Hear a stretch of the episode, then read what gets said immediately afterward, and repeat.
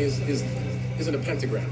No, it's not something that you would see teenagers or a Norwegian black metal band paint on a in goat's blood to be edgy or to piss off the Christians. No, this is a little bit more obscure than that.